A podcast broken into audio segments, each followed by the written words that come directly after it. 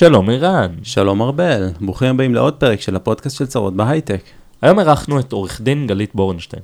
גלית בעלת מעל 20 שנות ניסיון בדיני עבודה, בדגש על ייעוץ משפטי מניעתי לחברות.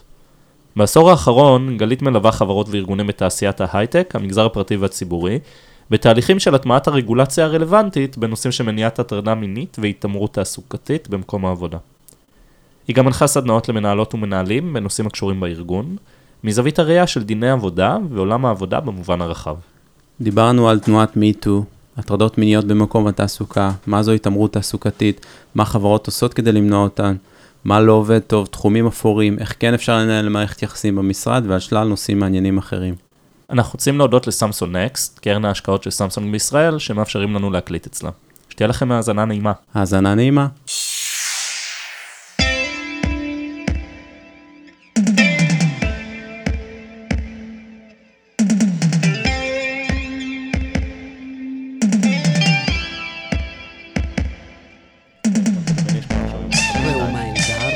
אז אה, קודם כל גלית, איזה כיף שבאת. איזה כיף שהזמנתם אותי, תודה רבה. כיף. אה, את אורחת קצת אה, שונה, בסדר? כי את מאוד קשורה להייטק, ואת עובדת הרבה עם ההייטק, וכבר נדבר על זה. אבל את לא הייטקיסטית פר סה, נכון? נכון. תן בי סן, אני מניח. ובעצם... לבן זוג שלי יש. אז זה- אז זה נחשב. ואז במעגל ראשון. ובעצם יש נושא חם מאוד, שקשה מאוד לדבר עליו, בטח לרן ולי אה, לבד. אה, על כל עולם ה... נתחיל מהתעמרות באופן כללי והטרדות מיניות בפרט בעולם העבודה ובהייטק בפרט, ואז אמרנו, אוקיי, איך אה, נדבר על זה בלי אה, לצאת אה, לא מבינים? ואמרנו, טוב, נביא מישהי שממש ממש מבינה בעניין. אז אה, אולי תתחילי בלהגיד לנו מה את בעצם עושה. אוקיי. אז בשנים האחרונות, מתוך הבנה של מה שאתה דיברת עליו, ש... שיש עניין והסיפור הזה של הטרדות מיניות והתעמרות תעסוקתית וכך הלאה, זה נושא שהוא חם. חם במובן הזה שהוא לא התחיל לקרות אתמול בבוקר, מהמם. אבל הוא חם במובן הזה שיש עליו דיבור. אה, אז מה שאני עושה בשנים האחרונות, מעבר לליווי המשפטי שאני מלווה עובדים ועובדות ומעסיקים ומעסיקות, שפגשו את הסיפור הזה של הטרדה מינית או התעמרות תעסוקתית בנקודת המפגש של תלונה, בית הדין לעבודה וכך הלאה, אני הולכת אחורה ועוסקת הרבה בהסברות בנושא הזה. עכשיו, זה לא סתם שהחלטתי להגיע לדבר הזה של הסברות, כיוון שהחוק למניעת הטרדה מינית, שאנחנו ודאי תכף ניגע בו, קובע שמעסיקים צריכים לעשות הדרכות והסברות. אז אה, זה בעצם מה שאני עושה בשנים האחרונות, מלווה גופים וארגונים ומבצעת בפועל הדרכות והסברות בנושא הזה. אז בעצם פעם בשנה ככה מכנסים את החברה, אה, זה גם, אז מה שאת אומרת זה שגם החוק קובע את זה, נכון, חייבים, נכון. ו- מאיזשהו גודל של חברה, נכון? כן, מעל 25 עובדים, אוקיי. אה, מעל 25 עובדים, צריך שיהיה במקום העבודה שתהיה, ואני מחדדת, אישה שהיא ממונה, ושהתפקיד שלה באמת אה, להיות זאת שמקבלת אליה את התלונות ככל אה, שהוגשו, ואם אה, הגיעה לאוזנה שמועה אודות הטרדה או התעמרות תעסוקתית, יש לה חובה לבדוק את זה. ובנוסף לזה, החוק והתקנות שמכוחו, שזה דיבור נורא של משפטנים, אני מבטיחה שתכף אנחנו נעזוב את, ה, את השיח הזה, קובע באמת שצריך לעשות הדרכות והסברות. אז זה באמת המקום שבו אני פגשתי את התעשייה, כיוון שאנחנו נמצאים כאן ומדברים על ההייטק ועל צרות בהייטק וכך הלאה, אה, אז באמת פגשתי את הנושא הזה של הדרכות והסברות בת- בתעשייה, וכך גם אה, פגשתי את המקומות שהם מאוד מאוד מיוחדים, מאוד ייחודיים להייטק. שוב, אני מדברת כן. בדיבור חופשי הייטק, בכל מה שקשור בנושא של הטרדות מיניות והתעמרות אז, תעסוקתית. אז עוד מעט ניגע בזה דווקא. אוקיי. הזכרת נקודה שמישהו שאל עליה, כן. שזה, או מישהי שאלה, על אה, נציגת החברה לענייני הטרדה מינית, אני לא יודע מה הטייטל בדיוק שצריך להגיד. זאת הממונה למניעת הטרדות הממונה מיניות, למניעה. בדיוק. ובכל חברה יש אחת כזאת, שוב, אה, אה, בחברות שיש בהן מעל 25 עובדים, צריך שתהיה ממונה. ההמלצה היא שככל שיש אה, יותר עובדים, זאת אומרת, אנחנו יודעים שיש היום בתעשייה גם חברות שיש בהן 200 ו-300 ו-400 עובדים, אה, בוודאי אם יש סניפים וכך כן. הלאה, אז צריך שתהיה, אה, ומומלץ שתהיה יותר מממונה אחת, הע- העדיפות כמובן אה, אה, היא לאישה. אבל, אבל, אבל זה, זה מה שהחוק קובע, שצריך כן. שיהיה במקום ממונה למניעת הטרדות מיניות. ומה, וזאת הייתה שאלת המשך גם, ומה קורה אם הממונה בעצם אה, מטרידה? או, חשודה בהטרדה. אה, מדהים, זה ממש אה, תיק. לא, קפצנו ישר לעומק, לא, שום אבל, בעיה. אה, קודם כל ככה, החוק והתקנות קובעים שברגע שהממונה עצמה מעורבת ב, ב, בטענה או בתלונה לכאורה, אודות, הטרדה, התנכלות וכך הלאה, אה, מן הסתם היא לא יכולה, אסור לה, היא מנועה כן. מלטפל ב, בתלונה הזאת, ואז פונקציה אחרת בארגון אמורה לטפל ספציפית בתלונה הזאת. למרות שהמקרים האלה הם מקרים, שוב, צחקתי כי אתה יודע, חיסיון וכך הלאה, אבל, אבל ממש עכשיו אני מטפלת במשרד הפרטי שלי בתיק של עובדת שהוטרדה על ידי הממונה.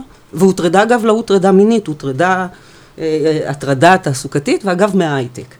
כן. תכף אנחנו ממש נשים את הידיים והרגליים בתוך הדבר הזה ואני גם אתן אה, דוגמאות ו... אז אה, אולי נניח אה, כזה תשתית מושגית, התעמרות בעבודה. כן. מה מה זה אומר? אז קודם כל אני רוצה להגיד משהו שוב לגבי העניין הזה.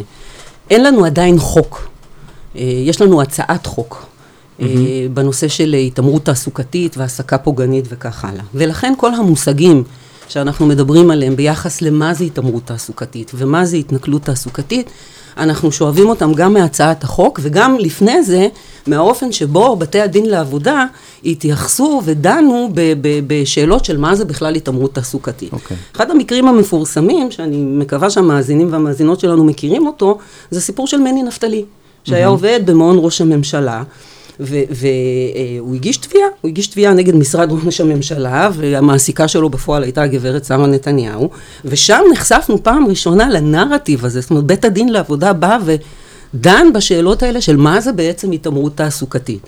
מה זה התעמרות תעסוקתית? אה, אה, קודם כל אני חייבת להגיד שלהתעמרות תעסוקתית יש פנים רבות. זאת אומרת, אין איזושהי דוגמה שאני אתן פה עכשיו ואני אגיד, אה, זה זה. אבל בגדול אנחנו יכולים לדבר, למשל, ושוב, אני מתייחסת בהקשר של התעשייה, micro-management, מה שנקרא. להציק, להציק, להציק, מה קורה, מה קורה, מה עם... זאת אומרת, עד כדי כך שאתה מביא בן אדם למצב שהוא לא, הוא, או עובד או עובדת שהם לא יכולים יותר. אה, הערות פוגעניות. הערות פוגעניות החל מהדוגמה של התיק שאני מנהלת עכשיו במשרד, שזה ממש לבוא לעובדת ולהגיד לה, תראי איך את נראית ותראי איך, מה, מה את עושה, והעבודה שאת עושה, עושה נראית בדיוק כמוך, שזה זוועות עולם, אבל זה קצה אחד. ועל הסקאלה הזאת אנחנו יכולים למצוא הרבה מאוד התנהגויות שהן מקטינות, מתעמרות, מעליבות. אה, אגב, גם התעלמות. התעלמות עשויה להיחשב כהתעמרות תעסוקתית. זאת אומרת, אם במפגיע, מנהל או מנהלת, מתעלמים מהעובד או העובדת שלהם, ובהייטק זה יכול להיות, שלחתי אה, אה, הודעה ב-10 בבוקר ועד 2, 3 אחרי הצהריים, אני לא מקבלת תשובה באופן קונקרטי ובאופן עקבי, ואני רואה שאחרים כן מקבלים תשובות, אז יש פה איזשהו סוג של, של התנכלות. אה, מהצד השני, אה, הקטנה. ממש הקטנה, אה, זה מה שהספקת? זה מה שהספקת? ושוב, צריך לזכור שכל הדברים האלה נעשים בתוך ה-workplace. זאת אומרת, יש הרבה מאוד תובנות שאנחנו צריכים להביא לדבר הזה, ולהבין שעובד ועובדת הם פגיעים במקום העבודה יותר ממה שהם אה, אה, פגיעים מחוץ למקום העבודה. נ- נתת המון דוגמאות, וזה חלקם אפילו מפתיעות ו- ומאוד מעניינות. איך, איך לוקחים ו- והופכים אותם ל- לחוק, ל-. לכללים? זה מאוד. אמורפי. נכון, נכון. אה, אני, אני שמחה שאני יושבת פה בכובע שלי גם כמשפטנית, כיוון שוודאי לא יפתיע אתכם לשמוע שהחוק והמשפט מעצם טבעם וטבעם הם מוגבלים. זאת אומרת, החוק יבש. יבש במובן הזה שהוא טקסט מאוד מאוד מצומצם, ובפועל החיים הם אלה שמכניסים תוכן לתוך, ה, לתוך הטקסט. זאת אומרת, אני, אני, הטוק, הטקסט כן. הזה שהוא החוק, וזה במענה לשאלה שלך. עכשיו, יש פה עוד עניין, איך מוכיחים את הדברים האלה? אוקיי? אתה מדבר גם על המורפי וגם על איך מוכיחים את זה. זאת אומרת, יש תחושות סובייקטיביות של עובדים ושל עובדות. נכון. ועכשיו, נניח שאני חובשת את הכובע שלי כמשפטנית, איך אני מוכיחה את הדברים האלה? איך אני מוכיחה שהם מציקים לי? איך אני מוכיחה, אגב, סליחה במחילה שאתה יושב כאן מולי, נגיד שלאורך כל הרעיון הזה אתה מסתכל לי כל הזמן על החזה. זה לא נעים לי, זאת הטרדה. איך, איך אני אעביר את זה? אז, אז, אז נתחיל מה, מהסוף, המשפט והכלים של המשפט הם מאוד מאוד מוגבלים. ולכן אני מאוד שמחה על זה שאני יושבת כאן עכשיו ומדברת, ובכלל, כדי להרים ולהביא למודעות העניין הזה של הסברה. זאת אומרת, כן. אם עניתי לך ל, ל, ל, לשאלה, כן. החוק מעצם טיבו הוא, הוא מוגבל. ואיך נראית הפסיקה בעניינים האלה? כאילו, השאלה של מה? של מניעת הטרדה מינית, שזה של התעמרות בעבודה. זאת אומרת, עוד יש- לפני ההטרדה מינית. עוד לפני, מאוד מאוד קשה להוכחה. מאוד מאוד קשה אוקיי. להוכחה. זאת אומרת, צריך לעבור את המחסום של להגיש תביעה, להגיע לבית הדין לעבודה, להגיש תצהירים ולשכנע את בית הדין לעבודה, זאת אומרת את השופטים ואת השופטות שנמצאים שם, שאכן מה שקרה ומה שהתרחש ומה שאני מתארת כעובדת, או מה שאני מתאר כעובד, עלה כדי התעמרות בעבודה, שזה מילים אה, מאוד מאוד גדולות. אה, קשה מאוד להוכחה. עכשיו, לגבי החוק למניעת, אה, אה, החוק למניעת התעמרות תעסוקתית, כמו שאמרתי, אנחנו בכלל נמצאים כרגע במצב של הצעת חוק. זאת אומרת, הצעת החוק אה, נמצאת מ-2015. אחת מהיוזמות של אה, הצעת החוק, אחת, כן? היא אה, השרה מרב מיכאלי, ולכן אני, אני כולי תקווה שאולי בקדנציה הזאת סוף סוף החוק הזה יעבור, אה, אה, הצעת החוק הזאת תעבור עיגון ותהפוך, אה, אה, ותהפוך לחוק. אבל שוב, אני חושבת שהחשיבות של מה שאנחנו עושים כאן היום והדיבור שאנחנו נדבר, היא באמת מהמקום הזה של הסברה. אני רוצה לשתף אתכם, שמעתי אה, אה, שבוע שעבר הרצאה מאוד מעניינת אה, של תמיר אשמן, שהוא מרצה וסוציולוג, ו... והוא אמר משפט נורא מעניין, הוא אמר, מה שלא מדובר, מתנהג. ואני אני חושבת שזה הדבר ב, ב, ב, בהקשר הזה, גם של הטרדות מיניות וגם של אה, אה, התנכלות תעסוקתית והעסקה פוגענית. זה שיש לנו את המסגרת החוקית, זה חשוב כשלעצמו וזה מלמד אותנו משהו. זאת אומרת, זה מלמד אותנו על העמדה של, ה, אה, של המדינה ושל החברה ביחס לדבר עצמו. אנחנו חושבים שהטרדות מיניות צריך למנוע. אנחנו מסבירים מהי הטרדה מינית. ככל שהצעת החוק למניעת התעמרות תעסוקתית אה, תעבור, ו- ו- והחוק, כן. וסביר להניח שיעבור, אז במענה לשאלה שערן שאל אותי עכשיו, אז, אז יש לנו, יש לנו מיילסטונס כאלה בחוק, אבל אני באה מנקודה שבאה ואומרת, החוק, או הנקודת מפגש שלנו עם החוק, צריכים להיות הדבר האחרון. קודם כל מתחילים במניעה. בדיוק מניעה, ומניעה צריכה להיות מבוססת, לשיטתי, בהסברה והדרכה. כל הזמן לדבר את זה. כל הזמן לבוא ולהציף את הדברים, ולשקף לעובדים ו- ו- ולעובדות ולמנהלים ומנהלות את, ה- את, ה- את הרציונלים, ו- ו- וגם לקרב את זה אליהם ולהסביר להם. לתת דוגמאות קונקרטיות גם. הרבה חד. משמעית, חד משמעית. תראו, אה, בואו נדבר רגע על החוק למניעת, אה, אה, למניעת הטרדה מינית. כן. אחד הדברים שמופיעים בחוק, ובחוק יש הגדרה למהי, למהי הטרדה מינית, זה יש באמת את העניין הזה של הצעות חוזרות ונשנות בעלות אופי מיני, ובלבד שהצד השני, זאת אומרת הנמען או הנמענת, אה, הראו במילים או במעשים באופן מפורש שהם לא מעוניינים. עכשיו, קודם כל צריך לבוא ולשאול מה זה בעצם התייחסויות חוזרות ונשנות. אז ברור שאם אה, לצורך העניין, אני באה לארבל, ובמחילה אני אציג על ארבל, אני עושה את זה הרבה בהרצאות. אנחנו הקורבנות כאן. בדיוק. כן. אז אם אני באה לארבל, ואני המנהלת שלו, ואני אומרת לו, וואלה, סחטיין, הייתי עושה אותך בכיף. עכשיו תבואו, אני, סליחה, אבל, אבל לא סליחה. אה, עכשיו, כל מי שמאזין ומאזינות לנו עכשיו אומרים, תקשיבו, זה מסוג הדברים שאני כן שומע. זאת אומרת, זה לא שמישהו עכשיו מקשיב לנו ואומר, וואו, איך היא מדברת. זה מין אה, סגנון דיבור כזה.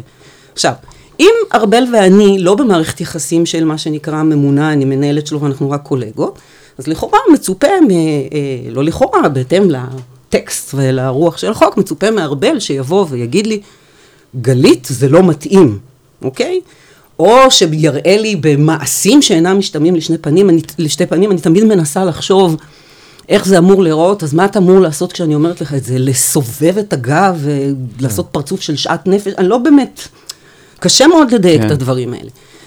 הדברים הולכים ונהיים יותר מורכבים, כיוון שהחוק למניעת הטרדה מינית מדבר על זה שברגע שיש יחסי כפיפות בין הצדדים, מה שאנחנו קוראים יחסי מרות, זאת אומרת, אם עכשיו אנחנו חוזרים לדוגמה הראשונית, שאני המנהלת של ארבל, הוא בכלל לא צריך להראות לי שהוא לא מסכים. זאת אומרת, הוא בכלל לא צריך לבוא ולהגיד לי, גברת, זה לא מתאים איך שאת מדברת, ו- ולא משנה מה שאמרתי. אוקיי, זה יכול להיות הייתי כן. עושה אותך, זה יכול להיות אה, הערות לגבי הלבוש שלך, בואנה, סחטיין, התחלנו לעבוד על הגוף, מה קרה, יוצא התחת, יוצא כאלה, ובואו, חברים, זה דברים שאנחנו שומעים, אוקיי? גם דיברנו ביום לפני ואמרנו שאנחנו בסדר עם לתת דוגמאות, כי, כי זה, זה, זה חשוב. אני ביקשתי את הרשות לעשות את זה, ולו מהטעם שאחרת הדיון יישאר דיון כן. אקדמי, וההסברה מבחינתי, גם אם היא תגרום, נניח שיש לנו מאזינים ומאזינות ששומעים אותנו עכשיו בפקקים בדרך הביתה, או בתחבורה הציבורית, אז שיזוזו בחוסר נוחות בכיסאות.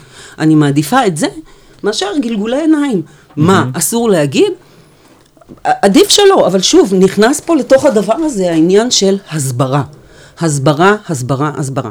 תראו, הרבה פעמים כשאני פותחת את ההרצאות שלי, אז הכותרת הראשונה של מה שאני מקרינה על הלוח, היא עניין של כבוד.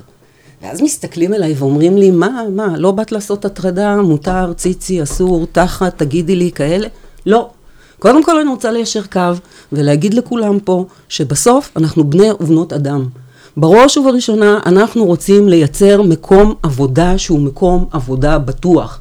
ועל מנת לייצר מקום עבודה בטוח, אנחנו רוצים שהעובדים והעובדות שלנו ירגישו שלא פוגעים בהם, לא מתעמרים בהם, מדברים אליהם בצורה מכובדת, אה, אה, בטח ובטח לא מתייחסים אה, לנטיות המיניות שלהם. זאת דוגמה, שוב, אני, המוח הקודח שלי כל הזמן מעלה דוגמאות. למשל, אה, עובד או עובדת שהם אה, הומו או לסבית, וכולם יודעים את זה בעבודה, ושוב, התעשייה היא הרבה יותר, לכאורה או לא לכאורה, מקבלת ומחבקת כאלה, אה, שוב, דפוסי, לא רוצה להגיד דפוסי התנהגות שלא יישמע חס וחלילה כאילו אני מבקרת, אבל אנחנו יכולים לפגוש יותר ויותר עובדים ועובדות שהם לצורך העניין מהקהילה.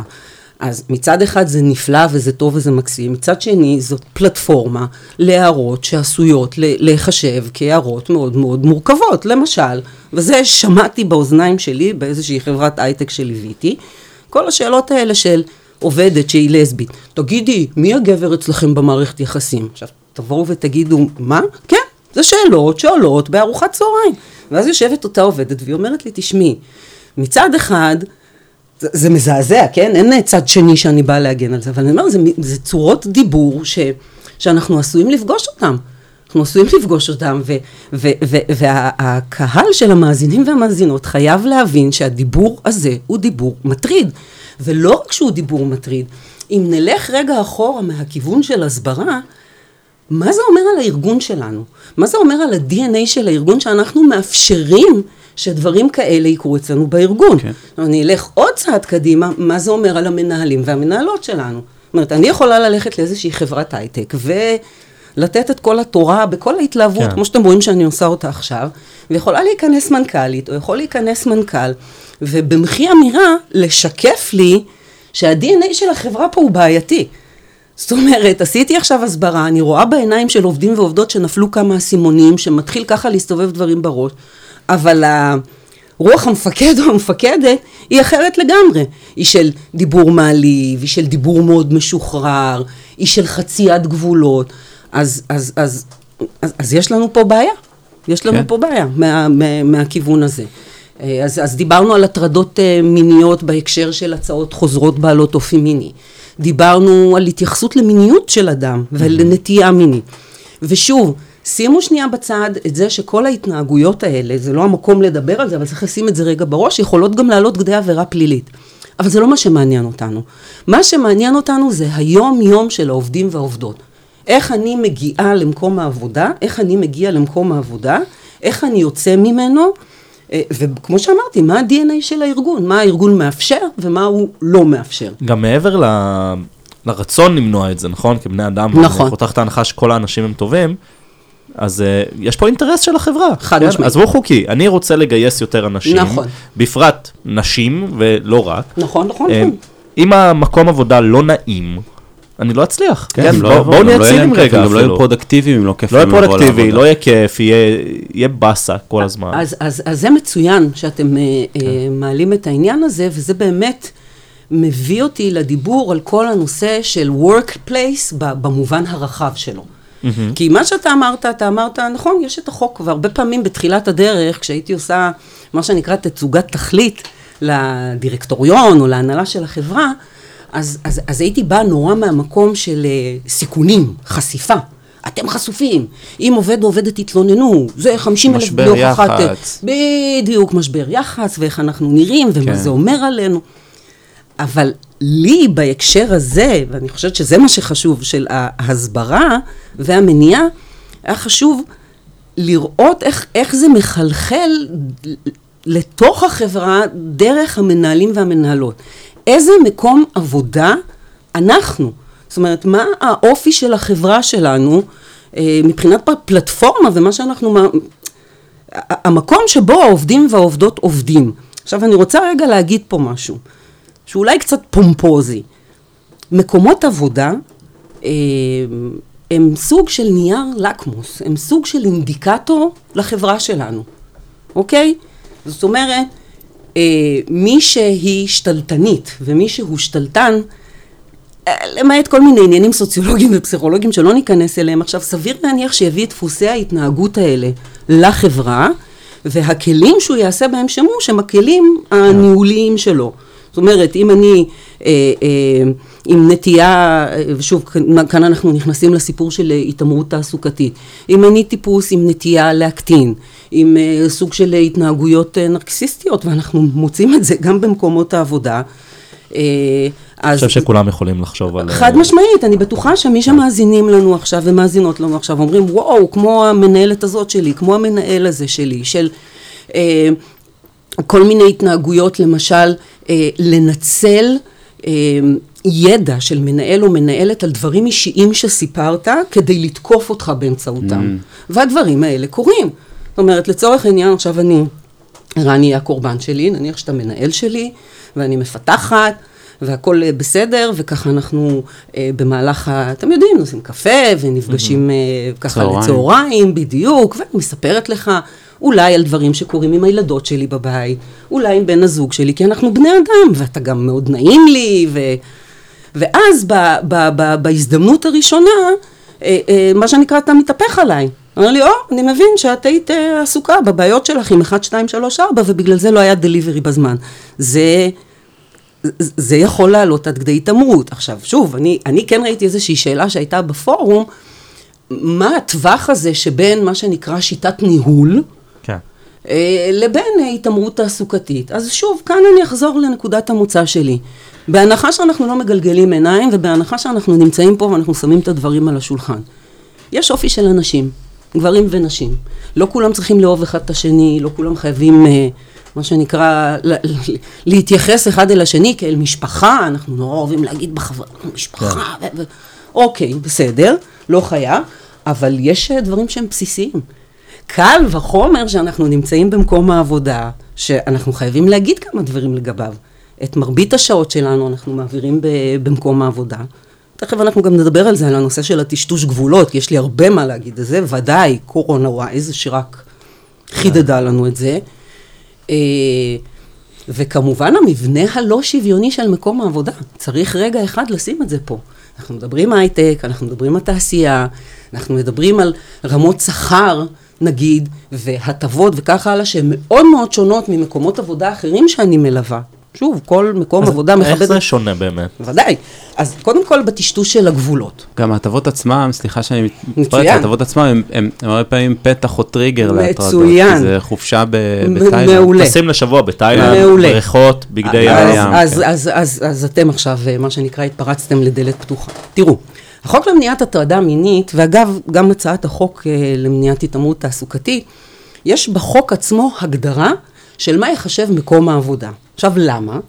בדיוק מתוך התפיסה הזאת שבאה ואומרת שהמפעל של פעם, זאת אומרת שאנשים יצאו מהבית והלכו כן. לעבוד, ואז הייתה הפרדה מאוד מאוד ברורה בין הזירה של העבודה לזירה של הבית, הגבולות האלה כבר הרבה מאוד שנים מטשטשים.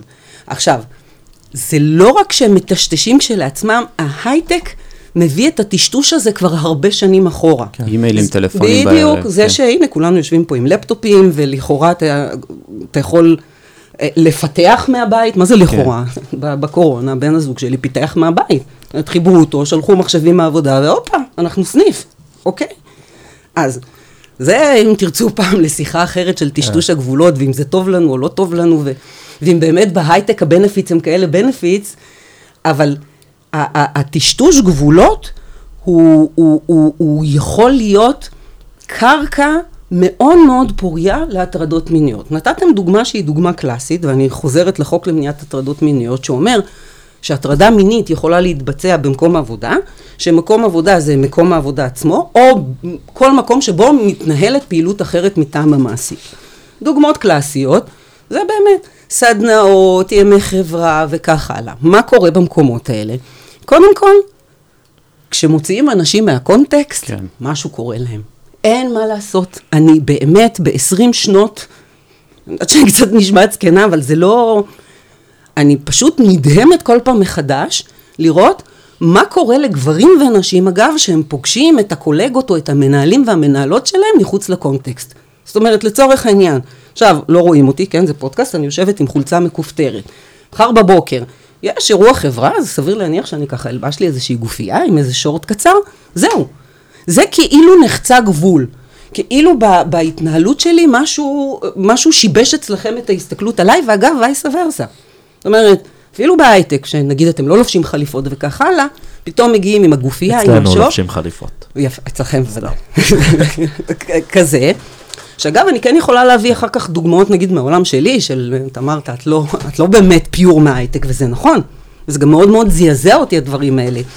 כי אה, בעולמות שלי, יש את המשרד, שוב, לכאורה, ואת עובדת ואת מגיעה בבוקר, ויש איזשהו משהו מאוד מאוד מובנה. זה לא שאי אפשר לחצות שם את הגבולות, אבל בהייטק זה, זה כן. ב- בגלל הדברים האלה. זה גם היה לפני, נכון? טיסות לחו"ל. בטח. ביזנס, נכון? טסים בוודאי. לכנס, טסים ללקוח, יפה. עכשיו, יוצאים בערב, עושים דרן. נא, או, או. אז, אז גם כאן יש לי כמה דברים להגיד. קודם כל, הטיסות לחו"ל. אז גם ביחס להתנהגויות בין אנשי הצוות בינם לבין עצמם. אוקיי? יצאנו מהקונטקסט, אנחנו נוסעים לשדה, אנחנו בבגדים אחרים, אנחנו, אנחנו ממש מחוץ לקונטקסט שלנו, ואז מה זה אומר? מה זה אומר?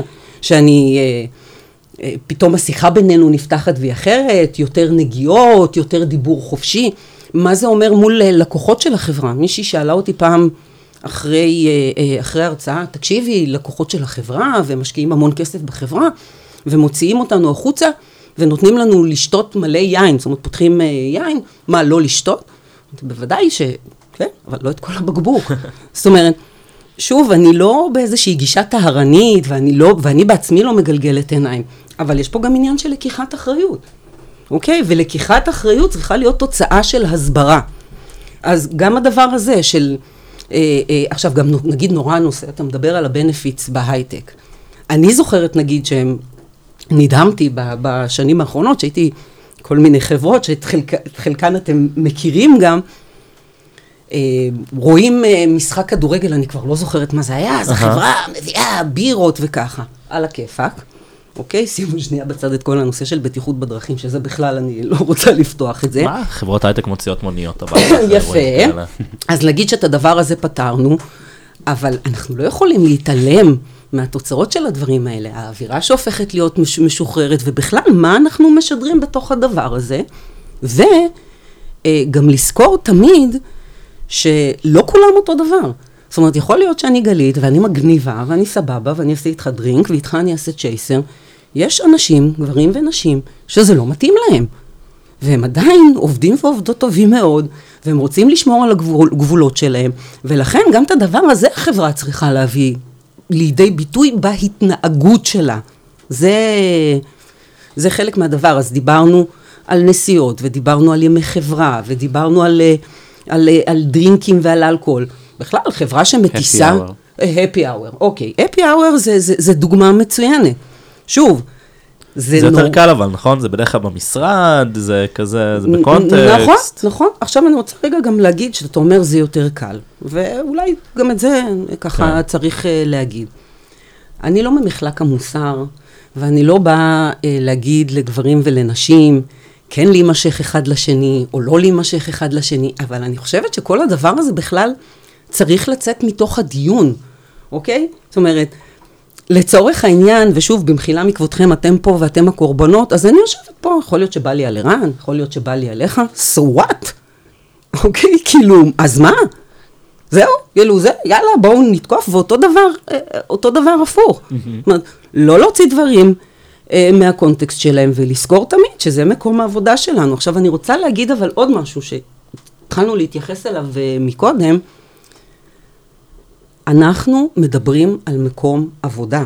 זאת אומרת, בסוף בסוף, יש עובדים ועובדות, יש מנהלים ומנהלות, ואנחנו מדברים על מערכת יחסים שמלכתחילה היא לא שוויונית, אוקיי? זאת אומרת, בסוף בסוף, עם ההייטק ועם כל המסביב, והבנפיץ והטנביס והמשכורת המדהימה שנכנסת לבנק בסוף החודש, בלי יש טיפול. יעדים, יש אה, כן, אנחנו, שורת רווח. או בדיוק, אנחנו עובדים, אנחנו באנו למקום עבודה. ו, אה, ו, ו, וגם את הדבר הזה צריך, אה, צריך לזכור, זאת אומרת, בסופו של דבר זה מקום עבודה, ו, ו, ו, ובהקשר של מה שאתה אמרת, אה, חוסר שוויון מובנה בכוח בין הצדדים. בסופו של דבר, אם אני הממונה של ארבל, או בוא ניתן, אתה יודע, או אם אתה הממונה של ארבל, אה, he owes you. אנחנו, זאת אומרת, אתה רוצה לרצות את הבוס. חד אתה משמעי, כן. הרצון לרצות הוא אינהרנטי למערכת היחסים. כן. ואז נכנס הדיבור הזה של אה, עולם המשפט ועולם דיני העבודה. יש חקיקה שקוראים לה קוגנטית. מה זה חקיקה קוגנטית? זה חקיקה שאי אפשר להתנות עליה. זאת אומרת, יש דברים שגם אם מדובר במעסיק פרטי, אנחנו לא יכולים לעשות מה שאנחנו רוצים. הדוגמה הקלאסית היא נגיד שכר מינימום, שזה נגיד לא מדבר לאנשים בתעשייה, אבל יש איזשהו רף שמתחתיו באה החברה ואומרת, זה לא, זה לא, זו הגישה הפטרנליסטית אם תרצו. ככה לא מתנהגים. אז חקיקה שעוסקת במניעת הטרדות מיניות והתעמרות תעסוקתית, היא לא רק חקיקה קוגנטית, היא גם חקיקה ערכית. וזה אה, אה, מתקשר לשאלה של ארבל. מה את חושבת בהקשר של, ה, של ההסברה? האם זה מספיק? והאם צריך לעשות יותר? אז התשובה היא, זה לא מספיק, ובטח שצריך לעשות יותר. ותסתכלו מה, מה קורה עכשיו. נגיד בחודשים האחרונים, כשאני באה לעשות הרצאות, אני צוחקת, צוחקת צחוק מריר, ואני אומרת, המצגת מעדכנת את עצמה. החדשות של אתמול בערב מעדכנות לי כל פעם שקפים. כן. ומה אנחנו לומדים מהדבר הזה? קודם כל, שהטרדות מיניות והתעמרות תעסוקתית תמיד היו. תמיד היו.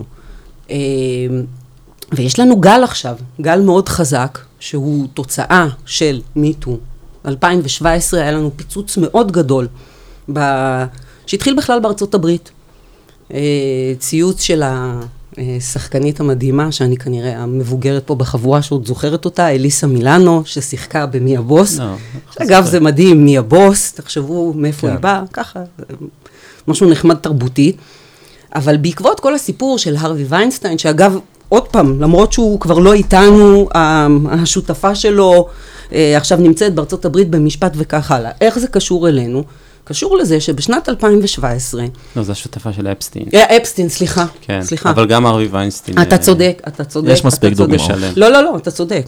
אמ, אבל, אבל מה שרציתי להגיד זה שב-2017 מיטו אה, הרימה גל שא', עוד פעם העלה למודעות את הסיפור של ההטרדות מיניות, ובאופן טבעי הגל הזה גם בא אלינו לארץ, ואגב, בארץ עשה מהלך מאוד מעניין, אה, במובן הזה שהוא עורר גם את הסיפור של הטרדות מיניות כלפי גברים.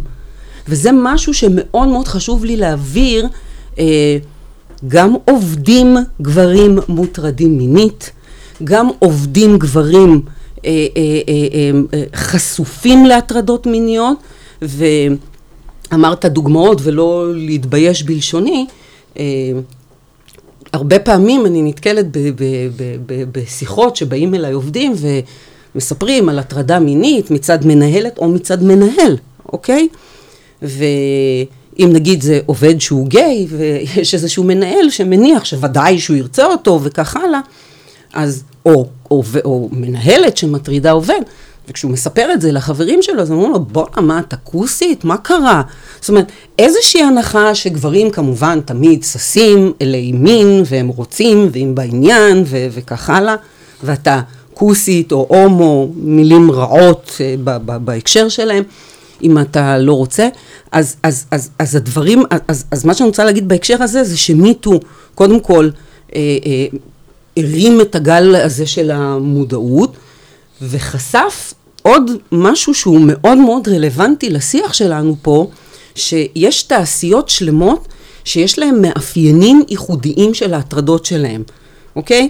אני שמעתי שלשום פודקאסט על הטרדות מיניות בתחום של הסטנדאפ. אנחנו יודעים שבעולם התיאטרון, אפרופו הסיפור של איבגי, אני לא המצאתי את זה, אוקיי? וזאת אומרת שמבנים מסוימים של מקומות עבודה, מעצם טיבם, יכולים לייצר כל מיני אינטראקציות מאוד מאוד בעייתיות, במילים אחרות יכולים להיות פלטפורמה. אז, אז בהייטק אחד הדברים שאני הכי הרבה נתקלת בהם, הוא באמת הדבר הזה של טשטוש גבולות. אה, איך זה נגיד יכול לבוא לידי ביטוי? למשל, צורת העבודה עצמה. אוקיי? אם אנחנו נכנסים לאיזושהי חברת אה, הייטק יפה, וכל ה open space למיניהם, העובדה שהמנהלת יושבת mm-hmm. ליד העובדים שלה. ארסלים, ישיבה פחות... האבס, האבס yeah. כזה, זאת אומרת, עכשיו, אני לא נגד ה-well-being וה-welfare וכך הלאה של העובדים והעובדות, אבל ברמת ההסברה צריך להבין את זה. אוקיי? Okay, יש משהו אחר, שזה דווקא אני אומרת מהמקום שלי כעורכת דין, כשאני יושבת במשרד, יושבת בצד אחד של השולחן, בצד השני יושב לקוח או לקוחה, כל התפאורה היא, שוב, היא לא תמנע את ההטרדה או את ההתנכלות, ואני יכולה לספר לכם שבתור עורכת דין, כן. לקוחות לשונם קלה מול עורכת דין שהיא אישה, ומדברים אליי בכל מיני אופנים שאני בטוחה שלא היו מדברים ככה לעורך דין גבר. אבל בטח ובטח כשהפלטפורמה היא מלכתחילה הרבה יותר במרכאות או לא במרכאות לא פורמלית. אם זה מבחינת הלבוש, אם זה מבחינת זמני הגעה, את יכול לבוא בבוקר, לקחת את ה... אפרופו צרות בהייטק, את היוגורט הלא יודעת מה שלך עם הזה, ולשכב על הפוף או על הארסל. האם זה אה, אמור להצדיק הטרדות וכך הלאה? בוודאי שלא, אבל זה עשוי לאפשר, וצריך להיות ערים לדברים האלה. טשטוש הגבולות הוא קורה והוא כאן, אנחנו לא, לא נעלים אותו. אבל ברגע שאנחנו נהיה קשובים וקשובות לדבר הזה, מודעים כן. לדבר הזה, אז גם משהו אולי ב, ב, בהתנהגות ישתנה, שלשם אנחנו מכוונים. בואי נדבר טיפה על הטשטוש גבולות בהקשר של הקורונה והמעבר לעבודה מ- מרחוק. מעולה. אה, בלי לחשוב יותר מדי, זה מרגיש כאילו, אוקיי, הייתה אמורה להיות ירידה, לא? בכמות ההטרדות. כן, אבל... זה כאילו מחשבה ראשונית. כאילו ככה, בלי לחשוב על זה יותר מדי. יפה. לא נפגשים פיזית. מעולה, ומזל שאני כאן. אז ככה, אמ, הטשטוש גבולות הוא, הוא יכול לנבוע גם מהאופן שבו מתקיימת התקשורת, ואנחנו צריכים אולי שנייה להבין שהטרדה, אם זאת הטרדה מינית או הטרדה מסוג אחר, לא חייבת להיעשות באחד על אחד. זאת אומרת, אה, אפשר להטריד ולהציג באמצעות כל הטכנולוגיות. וואטסאפ, מיילים. אני רוצה להזכיר לכם שבקורונה אה, הזום זכה ל... ל אה, כן. מה זה לעדנה? אני, אני עברתי לנהל את החיים שלי דרך הזום, כולל הדרכות אגב, שזה, זה, ושוב, כן. אז אה, אני לא יכולה להגיד שזה אותם סוגים של הטרדות, אבל, אה, אבל, אבל, אבל זה קיים. זה קיים. אני כן יכולה להגיד שהטשטוש גבולות הזה, למשל יכול לבוא לידי ביטוי ב, ב, בניצול לרעה של רמת הזמינות של העובדים והעובדות. זאת אומרת, אם פעם היה לנו, תמיד דיברנו על הקטע הזה של הפרדה ומתי אני מסיים לעבוד ומתי אני מגיע הביתה. באה הקורונה והפכה את כולנו לזמינים 24/7 עוד יותר ממה שהיינו לפני. זה בהקשר של התעמרות והתנכלות ושיטת ניהול ו micro-management ודרישות.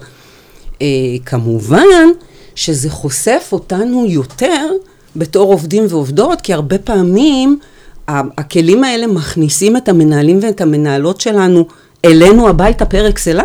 זאת אומרת, אם אני יושבת בישיבת זום, ואני מניחה שכל מי שמקשיב לנו עכשיו יכול להזדהות לפחות עם חלק מהדוגמאות. פתאום הכלב שלי מגיע, החתולה יושבת על הראש, הילדה נכנסת, אמא, יש לי שיעורים. טשטוש הגבולות הזה גם יכול להוות פלטפורמה לאותם שימושים שדיברנו עליהם. זאת אומרת, העובד או העובדת הוא שלי, איך אני מדבר אליהם, מה אני דורש מהם, מה אני מרשה לעצמי להגיד, ו- ו- אה, וכך הלאה. וחוץ מזה אני רוצה להזכיר שכל הבידודים וכך הלאה, לאט לאט הולכים ומתמעטים. מה שכן קרה זה שאנחנו רואים איך אה, מנסים ליצור עכשיו בלנס חדש בעקבות, אה, בעקבות הקורונה. אה, אני חושבת שכל עוד זה לא יהיה מדובר ולא יהיה מוסבר, אנחנו כן נמצא כל הזמן... דרכים חדשות. חד משמעית, חד כן. משמעית.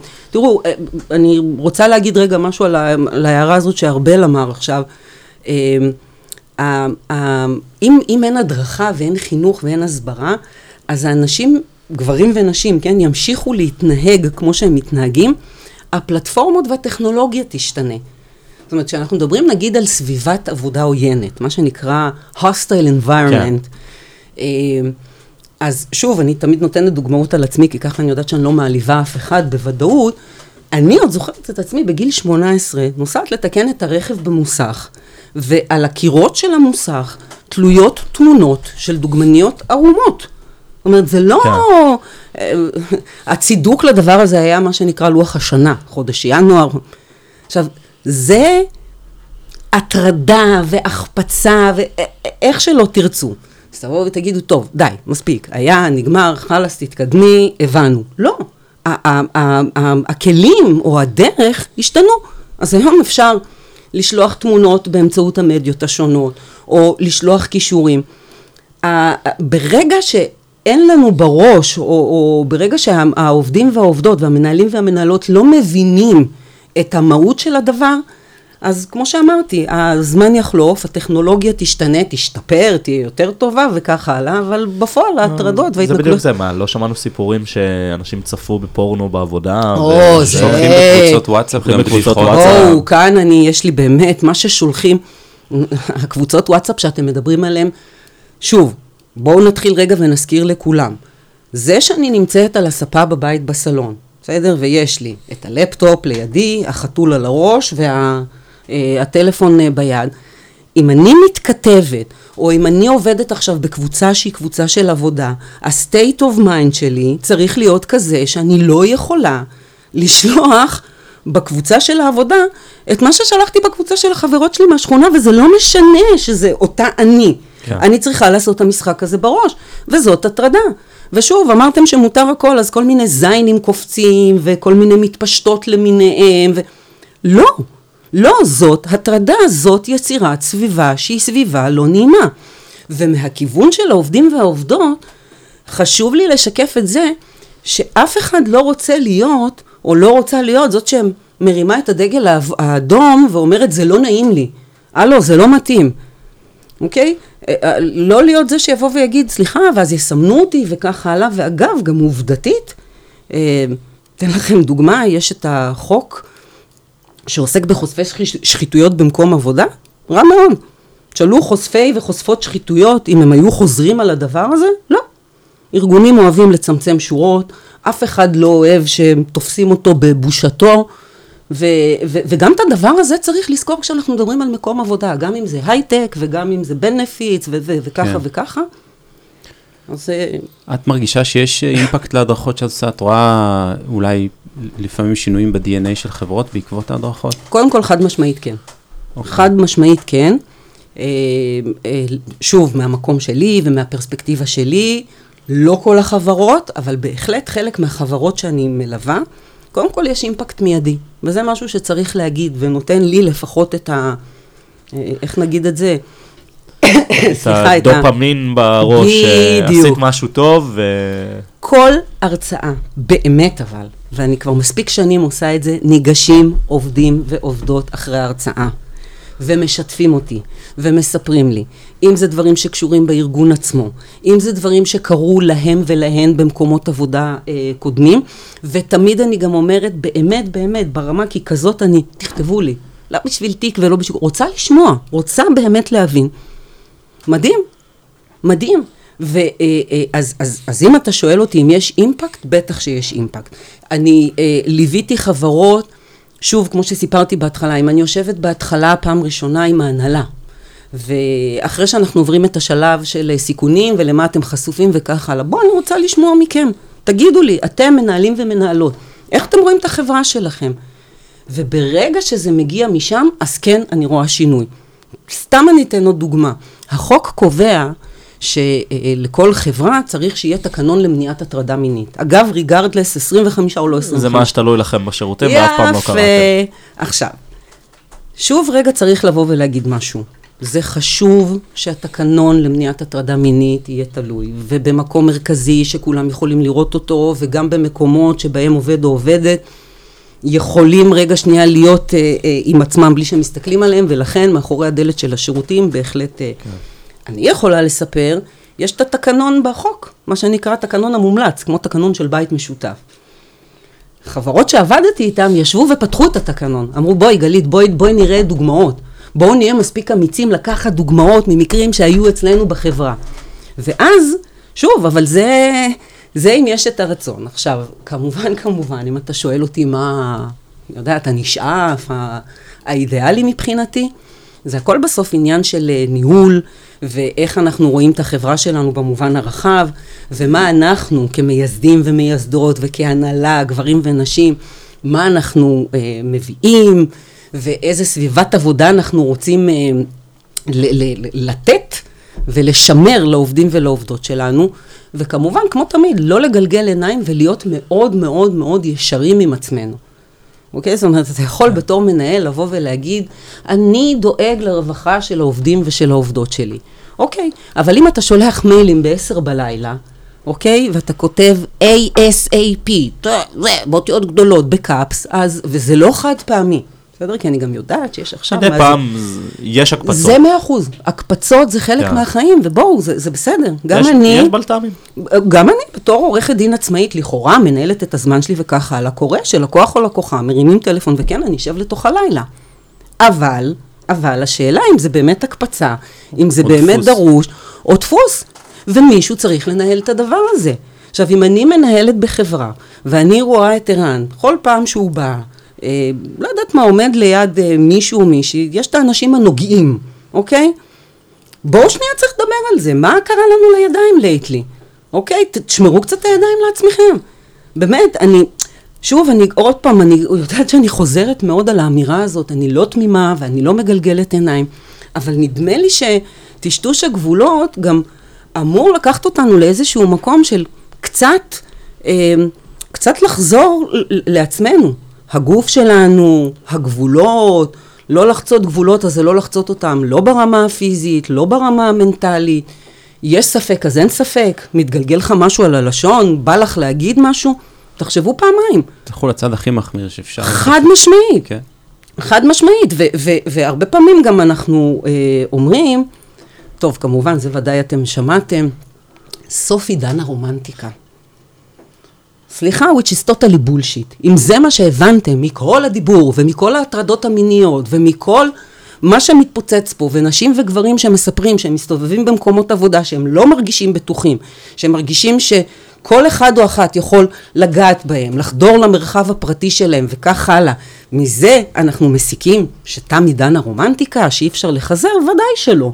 אוקיי? זה לא רומנטיקה, אבל זה סביבת. עבודה בסיסית ובטוחה. ו... It's not about sex, it's about power. וזה מחזיר אותי למה שאמרנו מקודם. צריך לזכור שבסופו של דבר אנחנו מדברים על מקום עבודה. כן. זה לא תנועת נוער, וזה לא מועדון חברתי. גברים, אנשים וגברים מגיעים למקום העבודה כיוון שהם רוצים להתקדם ולהתפרנס ולהתפתח ולתת מעצמם לחברה. ומה שהם רוצים לקבל זה לא רק את השכר, אוקיי? לעבודה יש ערך מעבר לשכר כן. שאני מביאה הביתה. זה הערך העצמי שלי, ואיך החברה מתייחסת אליי, ובאיזה סביבה אני עובדת, ואת הדברים האלה צריך uh, לדבר. וכמו שאמרתי, מה שלא מדובר מתנהג. מה הכוונה? אם אנחנו לא נדבר על זה, ואם אנחנו לא נעשה הסברות, ואם בין ההסברות וההדרכות לא נראה שינויים אמיתיים, אז זה יתנהג, זה יתנהג במובן הזה שאנחנו נמצא עובדים מטרידים, עובדות מטרידות, מנהלים מתעמרים, מנהלות מתנכלות. אה, כן. בהקשר הזה.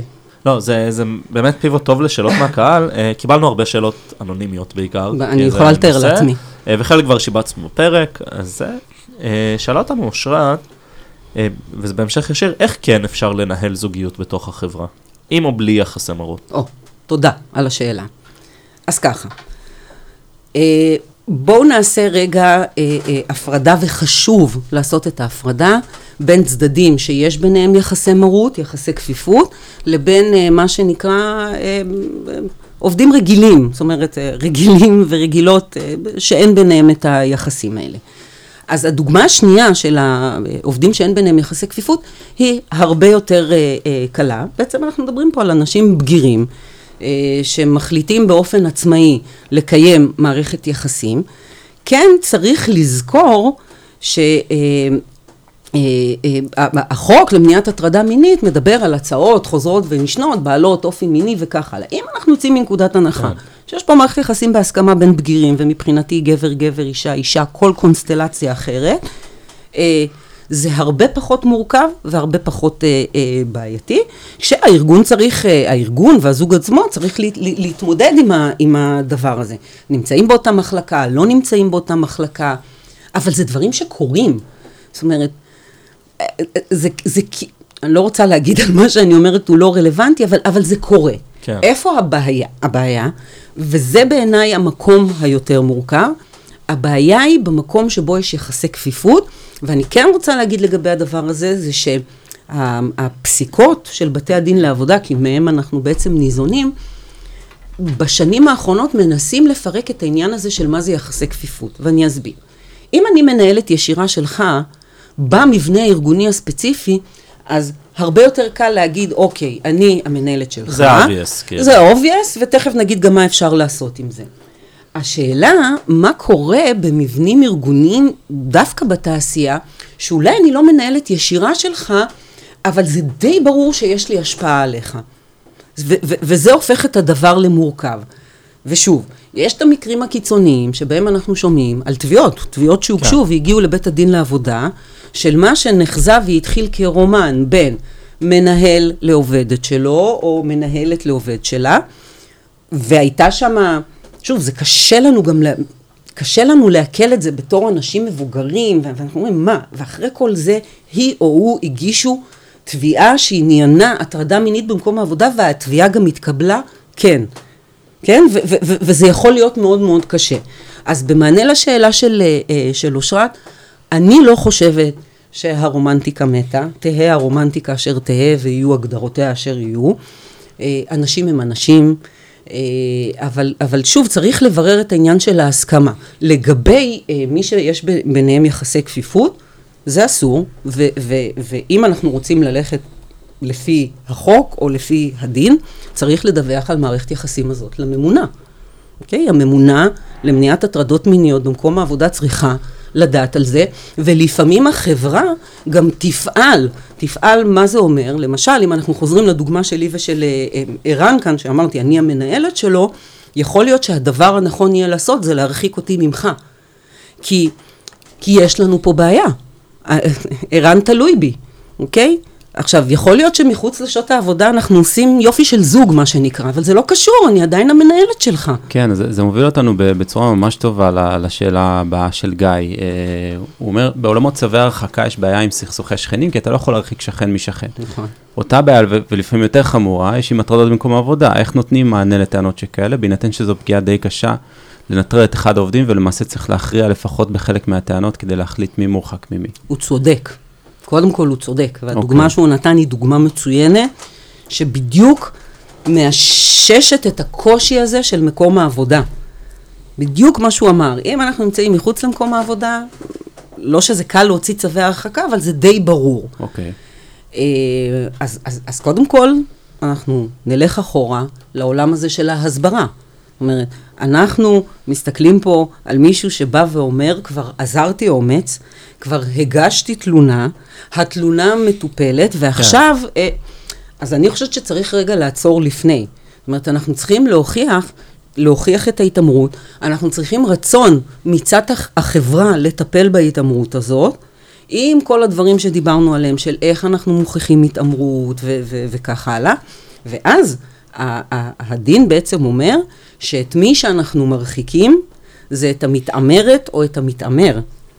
אוקיי? תמיד הנטייה תהיה, גם כשאני בתור ממונה, או כשאני מלווה ממונות, כשהן בודקות תלונות, כן. אנחנו קודם כל מרחיקים את מי שנגדו אה, אה, הוגשה התלונה, ואני בטח מרימה לעצמי פה להנחתה גם בכל מה שקשור בתלונות שווא, ואנחנו תכף נדבר על זה. אבל כן, זאת גם ההנחיה, גם כשאני מנחה ממש ממונות למניעת הטרדה מינית, קודם כל להרחיק את מי שהוא לכאורה המטריד או המתעמר, בתוך כל זה, אבל גם החברה צריכה לפעול מאוד מאוד מהר. רזולוציות בדיקה של uh, תלונות על, uh, מני, על, uh, על הטרדות מיניות ועל התעמרות תעסוקתית, צריכות לקרות בממש מספר ימים, שלושה ארבעה ימים. אבל זה קשה. חשובה. זה קשה, וזה זה, זה מורכב. Uh, טוב, uh, אודליה הולידיי שאלה כמה שאלות שדיברנו עליהן, על uh, איך יודעים משהו התעמרות או לא התעמרות, uh, והיו לה גם כמה שאלות יותר... Uh, האמת שהן מאוד מעניינות. למה בכלל למקום עבודה למנוע התעמרות? או. למה למנוע התנהלות כזאת, אם זה עובד? כאילו, למה שהעובד לא יעזוב אם לא טוב לו? מצוין. אז, אה, אז, אז זה מחזיר אותנו, זו שאלת סיגור כזאת, כי זה מחזיר אותנו לתחילת השיחה שלנו, שאמרתי שאני מאוד שמחה לשבת פה בכובע שלי, לאו דווקא כעורכת דין, אבל אנחנו נחזור, נחזור לנקודה הזאת של עולם המשפט. זאת אומרת, גם החוק למניעת הטרדה מינית וגם הצעת החוק למניעת התעמרות תעסוקתית הן דוגמאות קלאסיות להתערבות של המחוקק במקום העבודה הפרטי. כן. יש פה אה, אה, אמירה חד משמעית שאומרת שהתנהגות אה, אה, מתעמרת, התנהגות אה, אה, אה, של אה, הטרדה מינית פוגעת אה, אה, בעיקרון השוויון. זאת אומרת, כל עובד וכל עובדת זכאים מהכוח של עקרון השוויון שמקום העבודה שלהם יהיה מקום בטוח. אז השאלה למה ש... אה, היא, היא, היא, היא, היא נובעת מה, מהתפיסה שלנו בתור חברה. נורא קל לבוא ולתקוף את אה, מדינת ישראל כן. ולהגיד, לא, אנחנו בסוף, יש פה גם כמה דברים טובים. אנחנו מדינה דמוקרטית, יש חקיקה, האם נעשה מספיק? לא תמיד. האם אפשר לעשות עוד? בוודאי, אבל הבסיס שלנו הוא בסיס של דמוקרטיה ששמה את עקרון השוויון כערך על, ואומרת, איך אנחנו שומרים על עקרון השוויון? אנחנו מאפשרים מקום עבודה בטוח לכל העובדים ועובדות שלנו.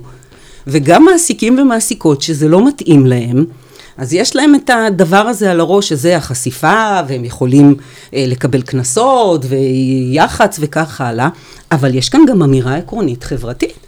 אז אגב, אולי החוק שותק, אבל שוב, כמשפטנים ומשפטניות, אנחנו הולכים גם להצע, להצעת החוק ובודקים את הטקסט מאחורה, וזה מה שהטקסט אומר. כל עובד וכל עובדת זכאים למקום עבודה נקי, ונקי זה לא רק בטיחות וגאות. כן. אתם יודעים, הרבה פעמים זה מצחיק אותי, כי כשאנחנו יושבים עם אה, מנהלים ומנהלות, אז אם אני אבוא ואני אגיד, מבחינת בטיחות, כל העובדים והעובדות צריכים לעשות ככה, זה ברור לכולם. דפיברילטור מטף. בדיוק, כן. כאלה, זה ברור. ויש מדריכי גובה ומדריכי זה, ומה עושים, זה ברור שצריך להירתם. כשמגיעים לדבר הזה, זה כאילו אמורפי. ולא, זה לא אמורפי. ממש לא אמורפי. הרי גם יש היום אה, דיבור על... אה, באיזה בית אנחנו נמצאים, והאם הבית שלנו הוא בית בטוח. בקורונה, אגב, מאוד העלו לדיבור את העניין הזה של יש אה, אנשים, לצערי בעיקר נשים וילדים וילדות, שהם, הבית שלהם הוא לא המקום הבטוח שלהם. אז בהשאלה, אני ממש רוצה לשים את זה כ- בתוך מקום העבודה. יש עובדים ועובדות שמקום העבודה שלהם הוא לא המקום הבטוח שלהם. זאת אומרת, אנשים... גברים ונשים שמגיעים בבוקר למקום העבודה והם חשופים. ואני רוצה להגיד פה גם עוד משהו. להתעמרות תעסוקתית ולהתנכלות וגם להטרדות והטרדות מיניות, יש אימפקט גם ברמה הפיזית והרמה הכלכלית. ברמה של, אנחנו קוראים לזה בעולם המשפט מיקרו-טראומה, אוקיי? Mm-hmm. Okay? המים על האבן. אני באה בבוקר וצועקת עליך, okay. כן. עוד פעם צועקת עליך, עוד, שחיקה. סטרס הוכר כמחלה, גם בביטוח הלאומי וגם בחברות הביטוח וכך הלאה. זה פגיעה בעובדים ועובדות. אגב, זה גם הפסד לחברה. עובד או עובדת שמצויים בסטרס, התפוקה שלהם מחלה, יורדת, כן. בטוח, כן. ימי מחלה, עזיבה של מקומות עבודה. כשבאים לחברות שלי שהן גם משפטניות וגם יועצות ארגוניות, ואומרים, אני לא יודע, יש לי עזיבה של עובדים, אוקיי? אז כאילו האינסטינקט שלנו לבוא ולהגיד, מה אתם נותנים? או, משכורות יפות. משכורת, כן. בדיוק. לא מעניין, אני רוצה, שולחים, אנחנו עושות אה, תצפיות במקומות עבודה, תקשיבו, כן. זה זוועה לעבוד פה. והדיבור הזה, אז לא באמת. שום כסף לא יתקן. לא, בדיוק. זה לא רלוונטי. התקף לב בגיל 40. נכון, נכון, והמיקרו-טראומה הזאת קורית, אז גם בהקשר הזה ובהקשר של מה שאושרת נדמה לי שאלה, אז קודם כל, למה? כי החוק קובע. אודליה. סליחה, לא, אודליה. אבל ב- ב- בהקשר הזה, ובמקום שאני נמצאת בו היום, הרבה הרבה הסברה. אה, טוב, גלית, היה ממש כיף. די, אה, נו, מה, אני לא יודע? אם כיף זו המילה הנכונה. אה, היה נורא מעניין. מאוד מעניין, אה, כן. יש משהו שרצית לדבר עליו שלא הספקנו לגעת בו. אז ככה, אמ, אני רק ככה מנסה לעשות אה, אה, כמה סיגורים. קודם כל, זה, זה, זה, זה לא ממצה. באמת אני אומרת, זה לא ממצה, כי אני, אני מרגישה שאני יכולה עוד לדבר על הנושאים האלה. אבל את- אנחנו מתניעים את השיח. אנחנו- חד זה- משמעית. זה נעלה את מעולה. הפוסט, את כן. הפרק, כולם מוזמנים להמשיך לשאול, ואנחנו נכריח את גלית לענות. בשמחה, באמת, באמת בשמחה, אבל אני כן אקח את מה שאני רוצה להגיד ממה ש... אה, מה שערן אמר עכשיו, אנחנו מתניעים את השיח. זה משהו שהוא מאוד מאוד חשוב לי. כל מי שמקשיב לנו עכשיו ומקשיבה לנו עכשיו, קודם כל אני ממש מזמינה את כולם, מה שנקרא לעשות רפלקסיה. כל הזמן להיות רפלקסיביים לגבי מה שקורה. זה מבחינתי גם כזאת עצה לחיים, כן. זה, זה נכון. אה, ו- ו- ו- ו- ולדבר את הדברים, לדבר אותם ולהעלות אותם, אה, כי, כי רק ככה אנחנו נזיז את השיח, וכן הבטחתי שאני אתן פה איזושהי התייחסות לנושא הזה של תלונות שווא, אז אני רוצה להגיד גם בהקשר של מניעת הטרדות מיניות וגם בהקשר של התנכלות תעסוקתית. שוב, האם יש תלונות שווא? בוודאי. האם החוק קובע מנגנונים לטיפול ב- ב- בתלונות שווא? גם בוודאי. האם זה מספיק? לא. יחד עם זאת, ושוב, אני לא מטילה ספק ולא מזלזלת במישהו או מישהי שכתוצאה מתלונת שווא, אם זה על התעמרות תעסוקתית ואם זה על הטרדה מינית, חוו פגיעה. זו פגיעה קשה, זו פגיעה בשם הטוב, זה מטלטל חיים, זה לפעמים אה, אה, עושה דברים ש... משפיע על החיים האישיים וכך הלאה. אז בוודאי שאני נגד הדברים האלה, ו- וצריך לטפל במתלונני ומתלוננות שווא, אין ספק בכלל. יחד עם זאת, אי אפשר להתעלם מהמציאות וממה שקורה. זה פה וזה מוצף. הנושא של אלימות בכלל, כי אמרנו, it's not about sex, it's about power. אם יש לי את הכוח, אז לזכור את זה. ו- ואם כדי ככה לסיים בנימה אופטימית, עם הכוח באה האחריות. וזה מה שכולנו צריכים לזכור. כוח, יש איתו אחריות. תודה רבה. תודה. תודה לכם. אז זה היה עוד פרק של הפודקאסט של צרות בהייטק, תודה שהאזנתם. תודה גם לעורך דין גלית בורנשטיין שהגיע להתארח. הפרק הזה, כמו כל הפרקים הקודמים שלנו, למשל פרק 10 עם ענבל אורפז על נשים בהייטק, זמינים בכל אפליקציות הפודקאסטים. אנחנו גם בפייסבוק, בטוויטר, באינסטגרם ובטיק טוק, אז בואו להגיד שלום ולהמשיך את הדיון. תוכלו למצוא את כל הקישורים הרלוונטיים בתיאור הפרק וגם את האימייל שלנו ליצירת קשר. אנחנו נהיה כאן שוב בשבוע הבא, עם עוד פרק על נושא או אדם מעניין מההייטק. אם נהניתם, נשמח אם תדרגו אותנו, ואם אתם חושבים שיש מישהו שהפרק יכול לעניין אותו, נשמח אם תחלקו. יאללה ביי.